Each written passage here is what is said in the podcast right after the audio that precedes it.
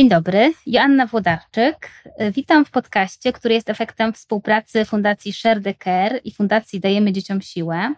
A tematem tego podcastu będzie to, jak rozmawiać o wojnie z małymi dziećmi, czyli z dziećmi do szóstego roku życia.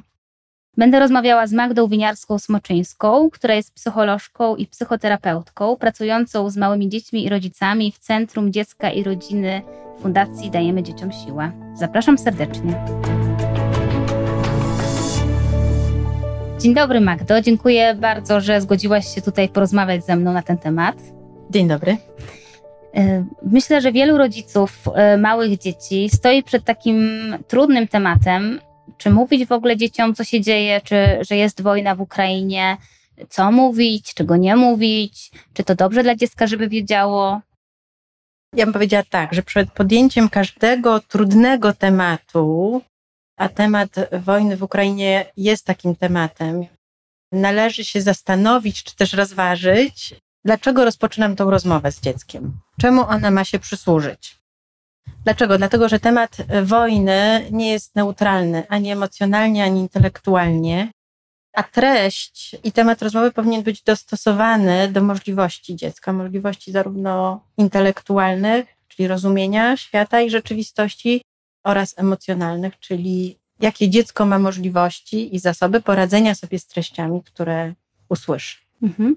Czyli można powiedzieć, że są takie dzieci do któregoś roku życia właśnie, żeby rzeczywiście w ogóle nic nie mówić. Czy mogłabyś w takim razie powiedzieć, że są jakieś takie etapy rozwojowe, jakiś podział ze względu na wiek e, w przypadku tych dzieci od właśnie urodzenia do szóstego roku życia, gdzie powinniśmy inaczej podchodzić do tematu? Na pewno. Na pewno. Dlatego, że powiedziałabym tak, że malutkie dzieci, które są pod opieką swoich rodziców w domu, i zakładamy, że to właśnie są takie dzieci przed pójściem do, do żłobka, do placówki. To są też takie dzieci, których mowa jest jeszcze e, bardzo mało rozwinięta, ale też dzieci, które można powiedzieć mają mały jeszcze kontakt z światem zewnętrznym, ponieważ głównym środowiskiem jest dom, jest rodzina. Można powiedzieć, że te dzieci najprawdopodobniej nie spotykają się bezpośrednio z tematem wojny w Ukrainie w taki sposób bezpośredni, dlatego że na przykład dzieci już w przedszkolu po pierwsze w tej chwili mogą doświadczyć na przykład dzieci pochodzenia ukraińskiego, które są w ich grupie, ale też są starsze dzieci, mają dostęp do, do takich sytuacji, bo wiedziałabym, nie wiem, jak na podwórku, jak nawet jak na ulicy, jak w podróży do placówki, gdzie zderzają się po prostu z rodzinami ukraińskimi i to może jakby poszerzać ich jakby takie doświadczenie właśnie, że nie wiem, że w ich środowisku coś tutaj się zmienia, nagle są rodziny, są dzieci, są ludzie, którzy mówią w innym języku i ono może się zaciekawić tym i na przykład zadawać takie pytania, prawda, które prowokują ten temat. Ale też bym powiedziała, że małe dzieci z racji swojego wieku mam nadzieję, że są bardziej chronione przed treściami, przed tematem i treściami wojennymi, z racji tego, że być może nie towarzyszą swoim rodzicom w oglądaniu telewizji, w, w słuchaniu informacji, miejmy taką nadzieję, bo na pewno to, co najbardziej będzie chroniło dzieci, to właśnie chronienie ich przed tymi obrazami i treściami. Mhm. Mózg małego dziecka jest mózgiem, który się cały czas bardzo rozwija i taki obraz wojny, ludzi, którzy cierpią, ludzi, którzy są ranni, ludzi, którzy są e, zabici, a te treści niestety są nie tylko w telewizji głównej, może te obrazy są jakoś tak bardziej kontrolowane, ale już w internecie nie. W internecie są, prawda, mamy, mamy dostęp do, do takich relacji na żywo, nagrywanych przez osoby, które są świadkami, uczestnikami tych wydarzeń. I dla małego dziecka to jest bardzo trudne, żeby sobie poradzić z taką historią, którą zobaczyło, z takim obrazem. Dziecko nie ma narzędzi intelektualnych i emocjonalnych, żeby sobie poradzić. Myślę sobie, że my, jako dorośli, teraz mamy taki kłopot, że jak w ogóle nam jest trudno zrozumieć, co się tam dzieje, tak? Jak to jest możliwe, prawda, że jeden e, kraj atakuje drugi, a jak wytłumaczyć to małemu dziecku, prawda, mhm. że ludzie gdzieś tutaj obok nas, ludzie się zabijają, tak? Mhm. Nie ma racjonalnego wytłumaczenia.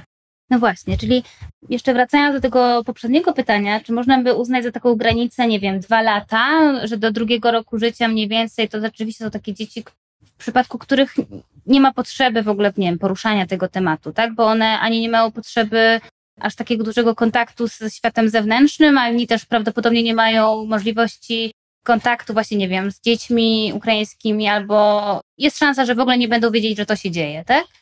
Tak, bardzo, bardzo możliwe. To znaczy myślę sobie, że warto, bo tak, z jednej strony chronimy dzieci i nie narażamy je, czy też nie prowokujemy tematów, które właśnie są trudne, ale tak właśnie trudne, w sensie za trudne z perspektywy ich rozwoju, ich możliwości rozwojowych. Mhm. A z drugiej strony to, czego małe dziecko potrzebuje, i powiedziałabym pewnie każde małe dziecko, to, to tego, że jednak ci najbliżsi występują w takiej bardzo ważnej roli osób, które tworzą taką mapę rzeczywistości, mapę świata, tłumaczą, co się dzieje, objaśniają, co się dzieje. I teraz myślę, że pewnie trudno tu postawić taką granicę do dwóch lat nie, a od dwóch lat tak, bo to bardzo zależy. Myślę sobie, że trzeba obserwować dzieci, trzeba być może być uważnym, z kim dzieci się kontaktują, bo na przykład jeśli przyjęliśmy do domu, jeśli ktoś przyjął do domu rodzinę, tak, mhm. e, która chroni się tutaj przed wojną, to pewnie nawet małemu dziecku można próbować jakoś tłumaczyć, co się wydarzyło, dlaczego mamy gości, dlaczego ci goście mówią w innym języku, mhm. albo mieć taką świadomość, nawet jeśli dziecko jest malutkie i nie mówi, że to jest taka sytuacja, w której to dziecko potrzebuje jakiegoś szczególnego zaopiekowania, bo sytuacja domowa się zmieniła. My jesteśmy w jakiejś mobilizacji, żeby tę tą rodzinę ugościć, żeby jej pomóc. Więc na przykład w przypadku małego dziecka będzie miało takie znaczenie nie tylko z czym ono bezpośrednio się spotyka i czego doświadcza, ale też na przykład co się dzieje z dorosłymi. Mhm. Czy ci dorośli mają jakichś krewnych, o których się martwią, swoją rodzinę, czy ci dorośli są zaangażowani w tą sytuację w taki bardzo personalny właśnie sposób, przez to, że mają przyjaciół bliskich, albo na przykład teraz część rodzin jest bardzo w dużej mobilizacji i pomaga co je naraża na stres. Mhm. Prawda? Więc tutaj chronieniem dziecka będzie tak naprawdę zadbanie o siebie i zastanowienie się, czy ja, mając, będąc głównym opiekunem małego dziecka, jak rozsądnie pomagać, żeby ten dorosły nadal miał takie zasoby, żeby móc być z tym dzieckiem i towarzyszyć mu w jego życiu, i żeby warunki życia tego dziecka nie zmieniły się, dlatego że to, jak wygląda dom, no jest kluczowe dla tego, czy dziecko się czuje bezpiecznie, jak, a w związku z tym, jak się rozwija, jak sobie będzie radziło z różnymi sytuacjami. Mhm. Tak, czyli tutaj przeszłyśmy trochę do tego już nie tylko czy mówić, ale co mówić i w jaki sposób. I tutaj też bardzo ważna rzecz, o której mówiłaś wcześniej, żeby blokować jednak dostęp małych dzieci do, do mediów, tak? Żeby nie miały kontaktu z tymi obrazami, filmikami, też ja wiem, że wiele dorosłych osób ma taką zasadę, że nie ogląda różnych filmików, tylko na przykład czyta informacje, bo dla nich to też jest za dużo, bo one są bardzo często właśnie takie bardzo emocjonalne i pokazujące naprawdę bardzo straszne rzeczy. Więc można powiedzieć, że to taka podstawowa zasada, że jednak my opowiadamy dziecku i to jest nasza narracja, a nie jest taka narracja, jaka jest w mediach. I też tutaj mówiłaś o tym, żeby to dostosować do sytuacji, tak? Co jeszcze tutaj jest ważnego? Znaczy myślę sobie tak właśnie do, do sytuacji możliwości, ale każdego dziecka, mhm. prawda? I powiedziałabym tak, że ja już obserwuję, że zarówno dzieci, które odwiedzają nasze Centrum Dziecka i Rodziny i przychodzą na terapię czy do innych gabinetów, jak i dzieci na podwórku, dzieci w przedszkolu, podjęły ten temat. To jest teraz bardzo żywy temat. Dzieci się zaczęły bawić w wojnę, wyciągnęły właśnie żołnierzyki, którymi do tej pory się nie bawiły, jeśli gdzieś tam były i odtwarzają to doświadczenie właśnie w taki sposób. I to pokazuje też, czemu służy między innymi zabawa, czyli że w tej zabawie można kreować jakąś rzeczywistość, ale na kanwie właśnie własnych doświadczeń, mieć na nią wpływ, bo przecież można tam e, się zastanawiać, kto z kim walczy jak ta walka się kończy, są jacyś dobrzy, są jacyś źli. I taka zabawa pozwala dziecku poradzić sobie mhm. E, z tym tematem. Ale chcę też powiedzieć jeszcze jedną taką ważną rzecz, to znaczy dzieci podejmują ten temat, ale to, że bawią się w wojnę i bawią się w to, że ktoś z kimś walczy, to nie oznacza, że one wiedzą, jak prawdziwa wojna naprawdę wygląda. Prawda? Żeby tego nie mylić. Mhm. No właśnie, to są takie dwie rzeczy, o które chciałam też Cię zapytać, które teraz poruszyłaś. Czyli pierwsza rzecz to właśnie, co dla dzieci znaczy wojna? Co one rozumieją w ogóle, jeżeli słyszą właśnie taki komunikat, że jest wojna? Co one mogą mieć jakby w głowie im się pojawiać z tym komunikatem? A druga rzecz to właśnie o tą zabawę e, wojnę, bo też nawet słyszałam właśnie wśród swoich koleżanek, e, które mają małe dzieci, takie przypadki, że są dzieci, które budują z klocków właśnie budynki, samoloty, które strzelają do tych budynków. Czy to jest właśnie coś normalnego, jakiś normalny sposób odreagowania dziecka, właśnie taki normalny, w takim, mieszczący się w normie, mhm. tak? Czy są takie sytuacje, kiedy powinniśmy reagować, coś nas niepokoi w tej zabawie? To takie dwa tematy, które bym chciała właśnie poruszyć teraz. To odniosę się najpierw do tego pierwszego. Jak dzieci myślą o tym, czym jest wojna, to pewnie każde dziecko inaczej, bo tak jak powiedziałam, to zależy pod co to słowo, to pojęcie jest podczepione, kiedy je słyszały pierwszy raz, z czym ono właśnie jest skonotowane. I to jest pewnie ważne, to znaczy, że do tej pory w doświadczeniu tutaj dzieci w naszym, e, nie wiem, w naszym kraju nie było tego tematu, prawda? Czym innym będzie temat wojny dla pokolenia naszych, e, nie wiem, dziadków, rodziców, nawet nas, naszego pokolenia, a czym innym dla tych małych dzieci. Być może one w ogóle dopiero pierwszy raz się zderzają z tym tematem i wiedzą tyle, ile doświadczyły, czyli można powiedzieć, nie mają żadnych doświadczeń, to, mhm. to są ich pierwsze doświadczenia, a dwa, tyle, ile im mówią rodzice lub o czym się mówi w domu, czy lub i o czym się mówi w domu. I teraz ważne, jak rodzice o tym rozmawiają i jak tłumaczą i czy tłumaczą dzieciom, czym jest wojna. Kiedy mówimy o małych dzieciach, takich na przykład przedszkolnych, które przychodzą do domu i wnoszą ten temat, tak, że nie wiem, w, w, grupie jest nowy chłopiec, tak, albo nowa dziewczynka, albo tam mój kolega coś powiedział, albo bawiliśmy się dzisiaj w wojnę. Warto zawsze sprawdzić, co dziecko już wie. A kto tak powiedział? A jak się bawiliście? A nie wiem, a właśnie nie wiem, czy to były jakieś wojska, czy właśnie nie wiem, o co była ta wojna, o co, prawda? W wojnie ludzie ze sobą walczą, więc myślę, że chroniące będzie, żeby nie wyprzedzać tego, co mhm. wie dziecko, bazować na tym, co już wiem i się do tego odnosić. I podejrzewam, że to, co pomaga, to jednak jakiś bardzo prosty powiedzieć, że wojna to jest taka sytuacja, prawda, że walczą ze sobą, właśnie nie wiem, teraz walczy ze sobą Ukraina z Rosją, prawda, że co się tam wydarzyło na takim bardzo podstawowym poziomie, opisać tą sytuację, ale bez drastycznych szczegółów, bez epatowania różnymi informacjami dotyczącymi właśnie, nie wiem, śmierci, przemocy, bo to będzie chroniące dla dzieci, a jednocześnie będzie takie podstawowe informacje. Myślę, że można też odnieść się do tego, prawda? Ty się czasami kłócisz tam, nie wiem, z kimś w grupie, prawda? Mhm. Bo ty coś chcesz, a ten twój kolega chce coś innego, prawda? I wojna to jest trochę taka sytuacja, kiedy dwa kraje się ze sobą pokłóciły o coś, prawda? Bo na przykład jeden coś chciał, a drugi czegoś nie chciał mu dać, prawda? I można na takim bardzo podstawowym poziomie odnieść to do doświadczeń dzieci, mhm. tak? że ludzie się kłócą, krzyczą na siebie, czasami jak ktoś nie wytrzymuje, to nie wiem, zdarza ci się, że nie wiem, ty kogoś masz ochotę nawet kopnąć, prawda, i tak dalej.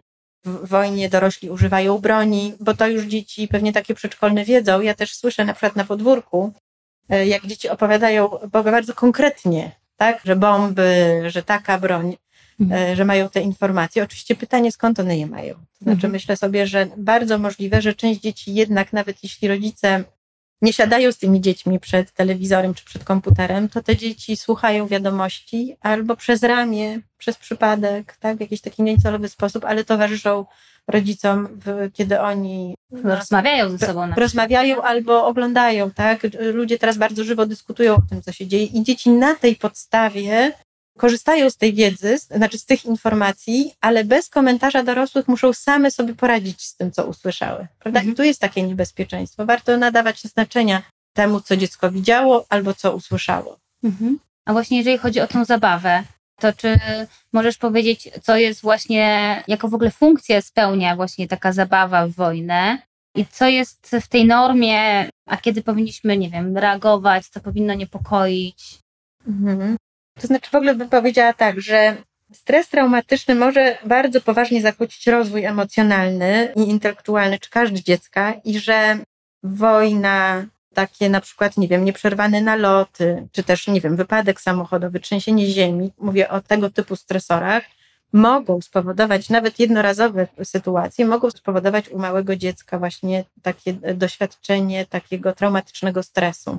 Ponieważ mózg małych dzieci, układ nerwowy jest cały czas się dynamicznie rozwija, to dzieci będąc, doświadczając tego stresu, mamy na myśli taką sytuację, w której dziecko, prawda, y, jego biochemia w organizmie wpływa, tak, czy na przykład podwyższony kortyzol, hormon stresu, wpływa na to, na stan tego dziecka.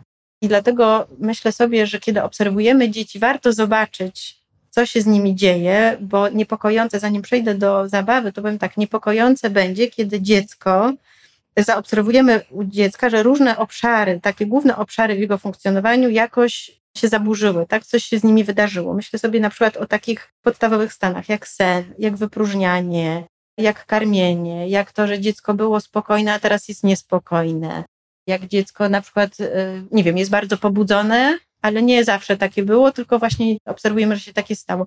To jest zmiana nagła w zachowaniu, będzie dla nas jakąś informacją, że to dziecko sobie z czymś radzi, tak? To mhm. jest wyrazem jakiejś może, trudności. I to może być zarówno w przypadku dzieci właśnie, nie wiem, ukraińskich, które miały takie doświadczenia właśnie, nie wiem, bombardowania, czyli takie mhm. bezpośrednie, jak i w przypadku dzieci polskich, które po prostu słyszą tylko o tym? To znaczy myślę sobie tak, że dzieci ukraińskie to zależy na jakim etapie wojny opuściły tak, tak, swój tak. kraj, więc te, które wcześniej być może to je bardziej ochroniło, te, które przez jakiś czas już doświadczały tych trudnych sytuacji, tych obrazów i tak mhm. dalej, będą miały to doświadczenie, mhm. prawda, tego stresu pourazowego.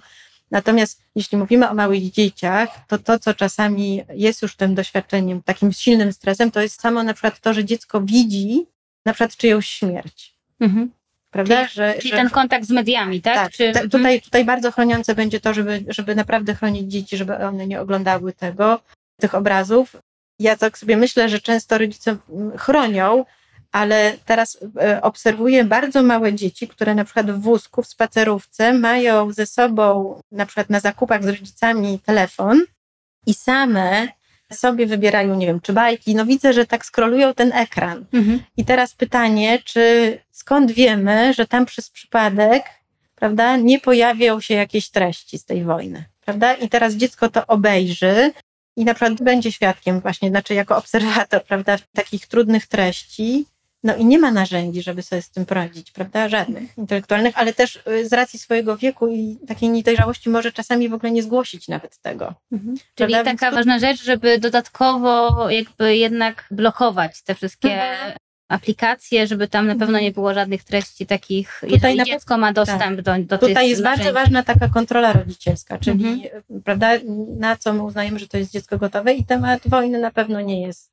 takim tematem, do którego dziecko powinno być w jakikolwiek sposób dopuszczane, chyba, że ono przychodzi, opowiada o czymś, warto się do tego odnosić, warto rozmawiać, warto się też pytać, można się pytać, jak się dzieci z tym mają, ale ja myślę, że przede wszystkim taki uważny rodzic obserwuje, mhm. tak? Czy właśnie ta zabawa to jest taka, że pojawił się nowy temat, bo inni o tym rozmawiają i te dzieci właśnie, nie wiem, z klocków, prawda, budują jakąś broń, strzelają do siebie, są jacyś źli, dobrzy, ale to się jakoś tam kończy, ja wygrałem, ty przegrałeś i nie wiem, cieszę się z tej wygranej i tak dalej. Można powiedzieć, że ta zabawa nie ma takich znamion, które by moglibyśmy jakoś przeczuwać, że jest tam coś niepokojącego. Natomiast może tak być na przykład, że dziecko było, został mu obraz w takiej głowie, y, jakiś bardzo trudny i na przykład taka niepokojąca zabawa to by była taka, że dziecko w taki sztywny sposób odtwarza taką scenę w zabawie.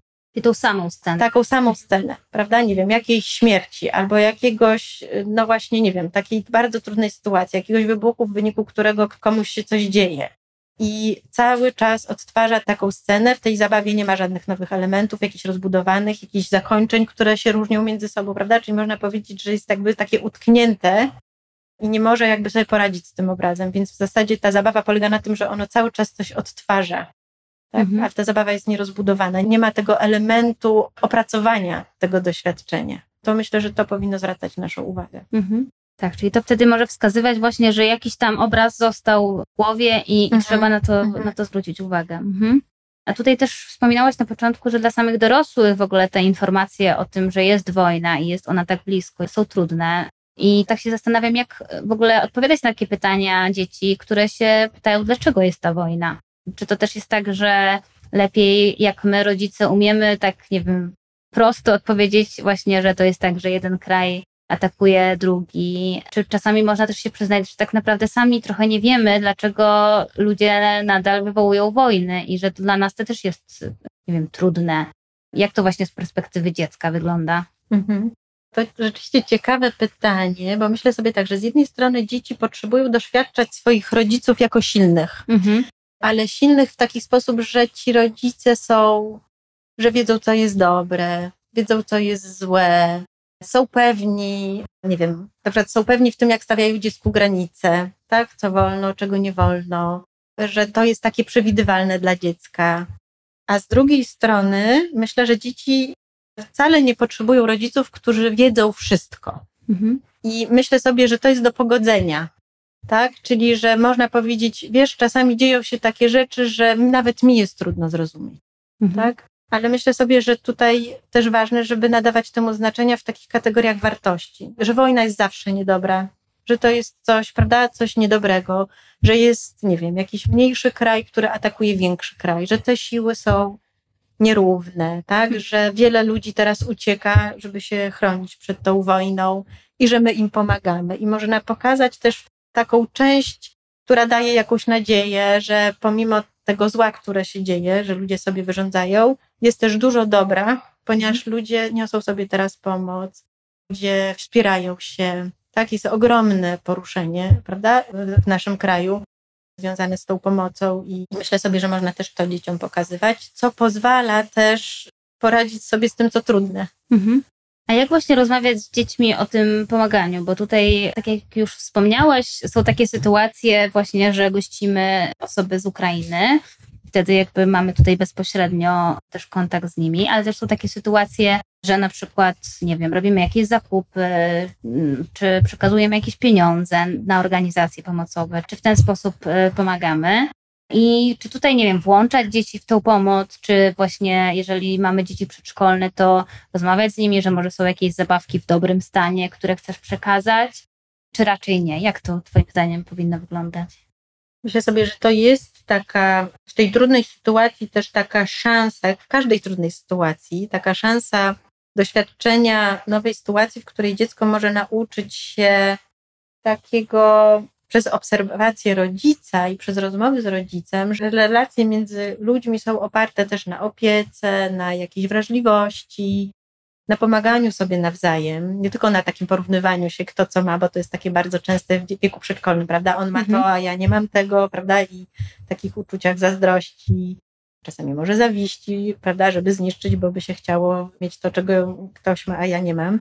Myślę sobie, że tak, że to trzeba na pewno sprawdzać z każdym dzieckiem, ale myślę sobie, że to jest tak, że jeśli dziecko w domu doświadcza rodziców, którzy dzielą się, na przykład idą na zakupy i robią, prawda, jeden koszyk zakupów do domu, albo pół koszyka jest do domu, a pół koszyka zakupów jest właśnie, nie wiem, dla jakiejś rodziny ukraińskiej, albo że na przykład mama czy tata przyglądają swoją szafę z ubraniami i odkładają część ubrań, żeby się nimi podzielić, można się spytać, jesteś ciekaw, co robię mhm. prawda? Chyba, że dziecko się zapyta, mamo, co mhm. robisz? Prawda? I można powiedzieć, wiesz, dzielę swoje ubrania, bo są takie, których nie noszę, nadal są nowe, nadal są ładne, ale widzę, że ich nie noszę, a teraz właśnie, nie wiem, w związku z tym, co się dzieje, wiele osób potrzebuje. Mhm. I ja mam taką potrzebę, żeby się podzielić. I można zostawić dziecko przez chwilę z tym. Mhm. I można potem się spytać, posłuchaj, a może ty też byś chciał się podzielić? Może możemy obejrzeć też twoje ubrania, twoje mhm. zabawki. Ja myślę sobie, że tu jest ważne, żeby patrzeć na coś, dziecko jest gotowe, bo małe dzieci też w pewnym wieku nie mają tej gotowości do dzielenia się i trzeba uznać, mm -hmm. że to mhm. nie jest wyraz braku empatii, czy tego, że to z tym dzieckiem się coś dzieje nie tak, tylko taki moment rozwojowy. Ale ja myślę sobie, że dzieci się też bardzo różnią, mm -hmm. prawda? I można się spytać, nie wiem, to w takim razie może dzisiaj nie jesteś gotowy Mhm. Tak? A może wrócimy do tego jutro albo za tydzień, albo warto też powiedzieć, to ty możesz wybrać, ty zdecyduj. I nawet gdyby dziecko miało jedną rzecz, mhm. wybrać z tych zabawek, prawda, i je oddać, to myślę, że, że trzeba docenić, mhm. E, docenić ten gest i też powiedzieć, że na pewno ktoś bardzo się ucieszy z tego, prawda? Ale też może być może zaznaczyć, że ty już jesteś duży, prawda? Nie wiem, masz dobre serduszko, że masz już, już tym się nie bawisz, masz ktoś z tego skorzysta i tak jakby wzmacniać tą część dającą i e, dziecka niż tą, która na przykład nie jest gotowa. Mhm.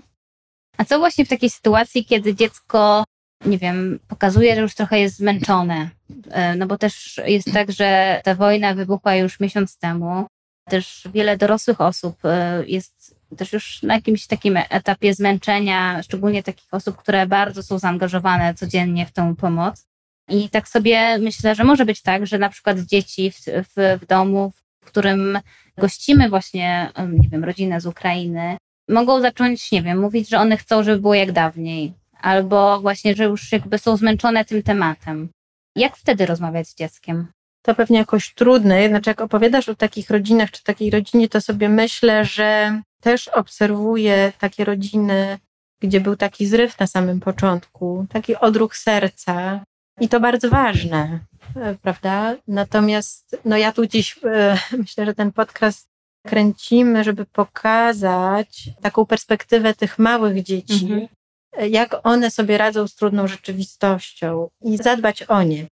I być może dobrze by było, gdyby rodzic obserwujący, że jego dziecko jest jakoś zmęczone, czy skarży się, prawda, że jest rodziców mało, że, że jego rzeczywistość się jakoś tak znacząco zmieniło, to myślę sobie, że to jest taka sytuacja, w której rodzice powinni taki wsteczny wrzucić i być może trochę przeformułować tą pomoc, prawda? Trochę znaleźć taki balans między pomaganiem, ale też wróceniem do domu, czy przywracaniem dziecku takiego optymalnego środowiska, w którym jednak jego potrzeby też są ważne, też są widziane i że to dziecko nie jest zaniedbywane kosztem pomocy innym osobom, prawda? Bo, hmm. No bo to jest też ważne, prawda? To, to jest, ja bym powiedziała, funkcjonowanie emocjonalne rodziców, to jakie oni mają zasoby, chroni dziecko przed mhm. tym trudnym doświadczeniem i sprzyja też w dziecku rozwojowi takich zasobów i zdolności dziecka do radzenia sobie z niekorzystnymi sytuacjami, doświadczeniami w przyszłym życiu. Mhm. Prawda? Także to jest ważne, żeby o tym pamiętać. Mhm.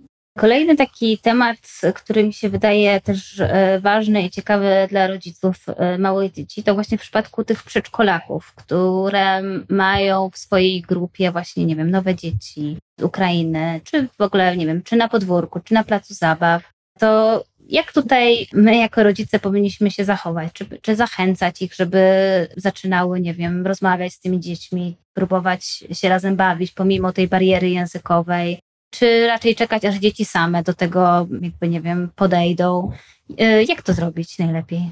Tak jak ja to obserwuję, ale też korzystając z mojej wiedzy, doświadczenia, to dzieci w bardzo naturalny sposób na placu zabaw po prostu mieszają się, bawią. Te, które nie mają trudności w takim funkcjonowaniu społecznym, y, są otwarte na wszystkie dzieci. I już teraz jest tak, że są dzieci, które się bawią, dzieci polskie z dziećmi ukraińskimi, pomimo tej bariery językowej, bo jest ten język zabawy, mhm. prawda, który je łączy. Natomiast myślę sobie, że to bardzo zależy od tych rodziców, od dorosłych, to znaczy jaki oni mają stosunek do tej sytuacji, na ile oni są otwarci na to, żeby dzieci się razem bawiły, żeby dzieci się y, w tej zabawie spotykały. Myślę sobie, że można to właśnie, nie wiem, są pewnie tacy rodzice, którzy to puszczą w taki naturalny sposób, ale podejrzewam, że mogą być tacy rodzice, którzy tego nie będą chcieli mhm. mogą być w takiej obawie, że kontakt z dziećmi, które doświadczyły czegoś takiego trudnego, będzie trudny dla ich dzieci. Więc myślę sobie, że tu to jest trochę takie pytanie, żeby rodzice się sobie przyglądali, jak ta sytuacja wojny w Ukrainie, jakie emocje w nich budzi, na co oni mają gotowość. Ale myślę, że nie da się też skontrolować wszystkiego. I być może poprzez kontakt z innym dzieckiem y, ukraińskim, takie dziecko też może się czegoś nowego uczyć, doświadczać jakiejś takiej sytuacji, w której to jest punkt wyjścia do rozmowy, prawda? Mhm. Rozumiem. Jeszcze chciałam porozmawiać o tym, bo zdecydowanie na pewno jest tak, że ten ostatni miesiąc, a pewnie i kolejne miesiące, niestety, no to jest takie czasy, kiedy wszyscy jesteśmy trochę bardziej, nie wiem, poddenerwowani, trochę bardziej zaniepokojeni, no bo jest to zupełnie inna sytuacja i taka też y, szczególna, też y, występująca po takim czasie pandemii, który też był jeszcze taki dodatkowo już niepokojący.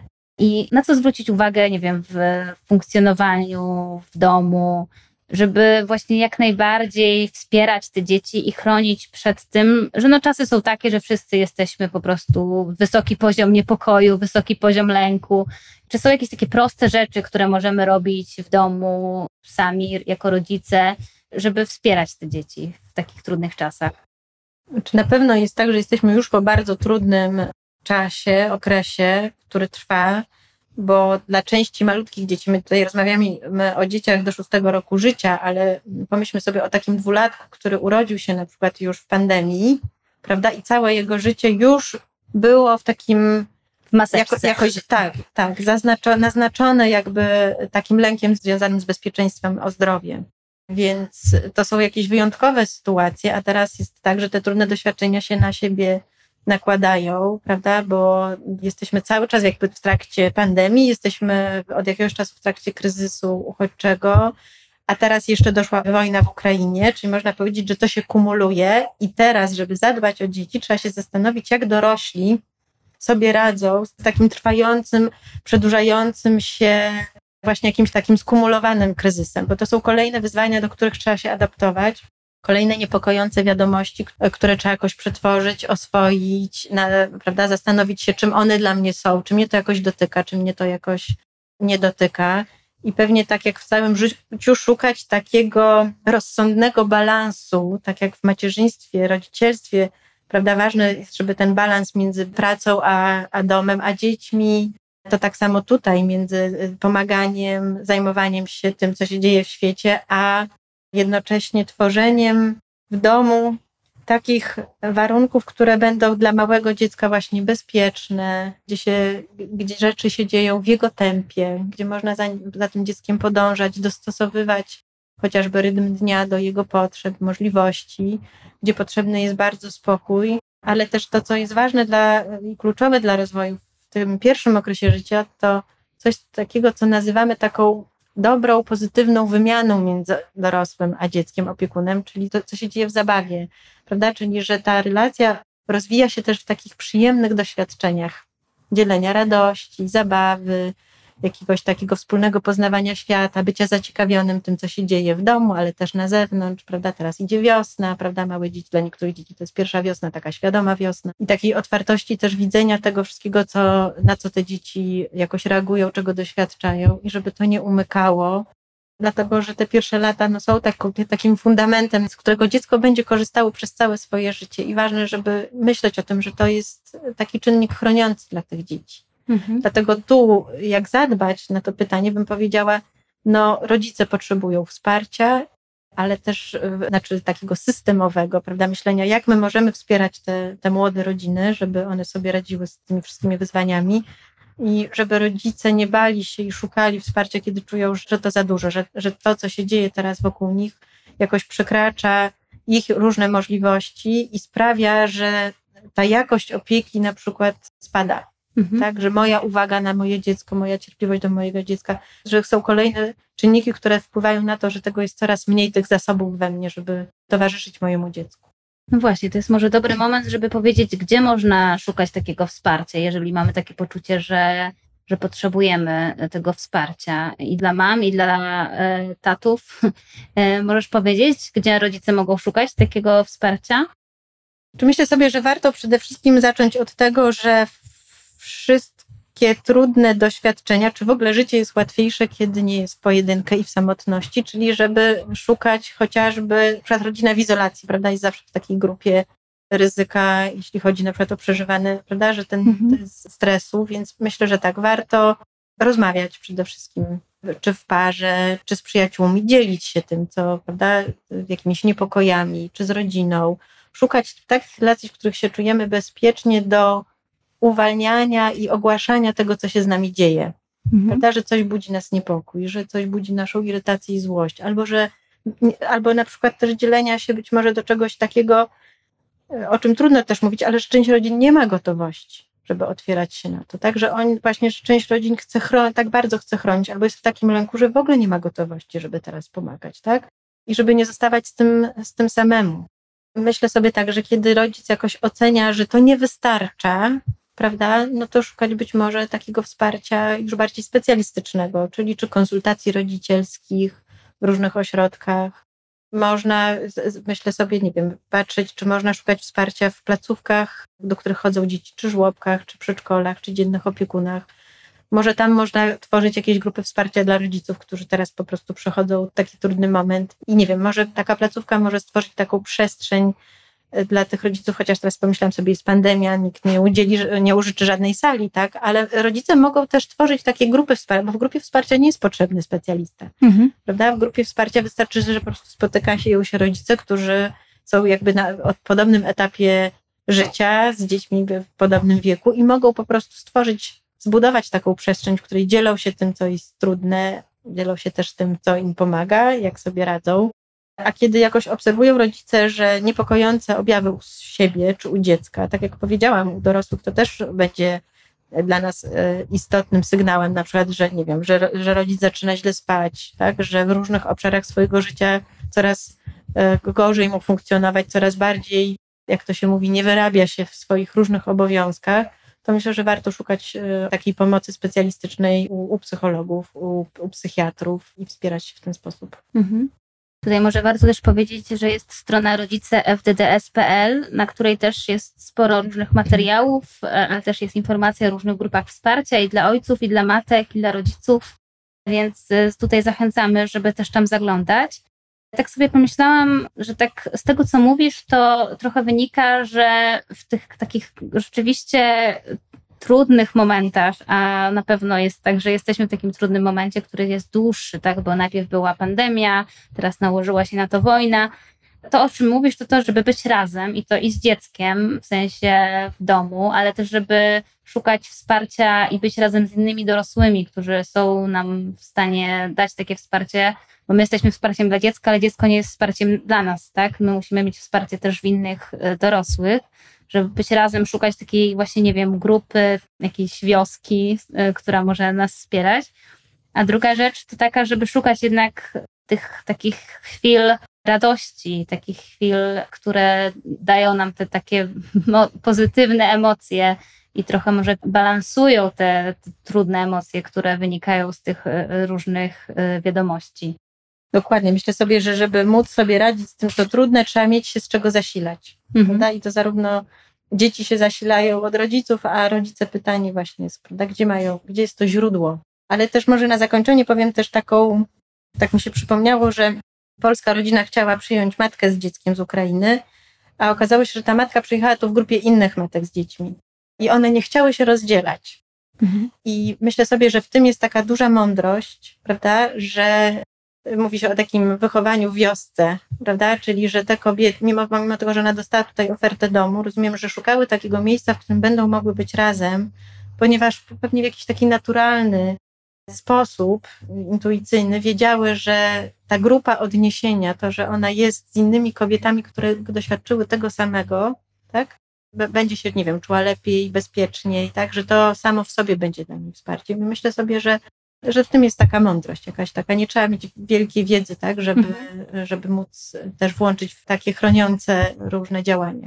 Że trzeba przypomnieć sobie, że my jako ludzie jesteśmy jednak zwierzętami stadnymi i szczególnie w tych trudnych momentach potrzebujemy tego wsparcia innych ludzi. Mhm. Bardzo Ci dziękuję za tę naszą rozmowę. Mam nadzieję, że nasi słuchacze dzięki niej też będą wiedzieć e, trochę więcej, jak tutaj działać i co robić w przypadku małych dzieci. Mamy świadomość, że nie odpowiedziałyśmy pewnie na wszystkie pytania i tak jak mówiłaś, to zawsze trochę zależy od dziecka i też może tutaj warto też tak wesprzeć rodziców, że absolutnie jesteście najlepszymi specjalistami w przypadku swojego dziecka, bo nikt tak dobrze nie zna dziecka jak wy, więc też, żeby tutaj tak e, ufać sobie i swojej intuicji. I życzymy Wam dużo siły, bo chyba to jest najbardziej teraz potrzebne. Tak, ja również dziękuję. Dziękuję bardzo.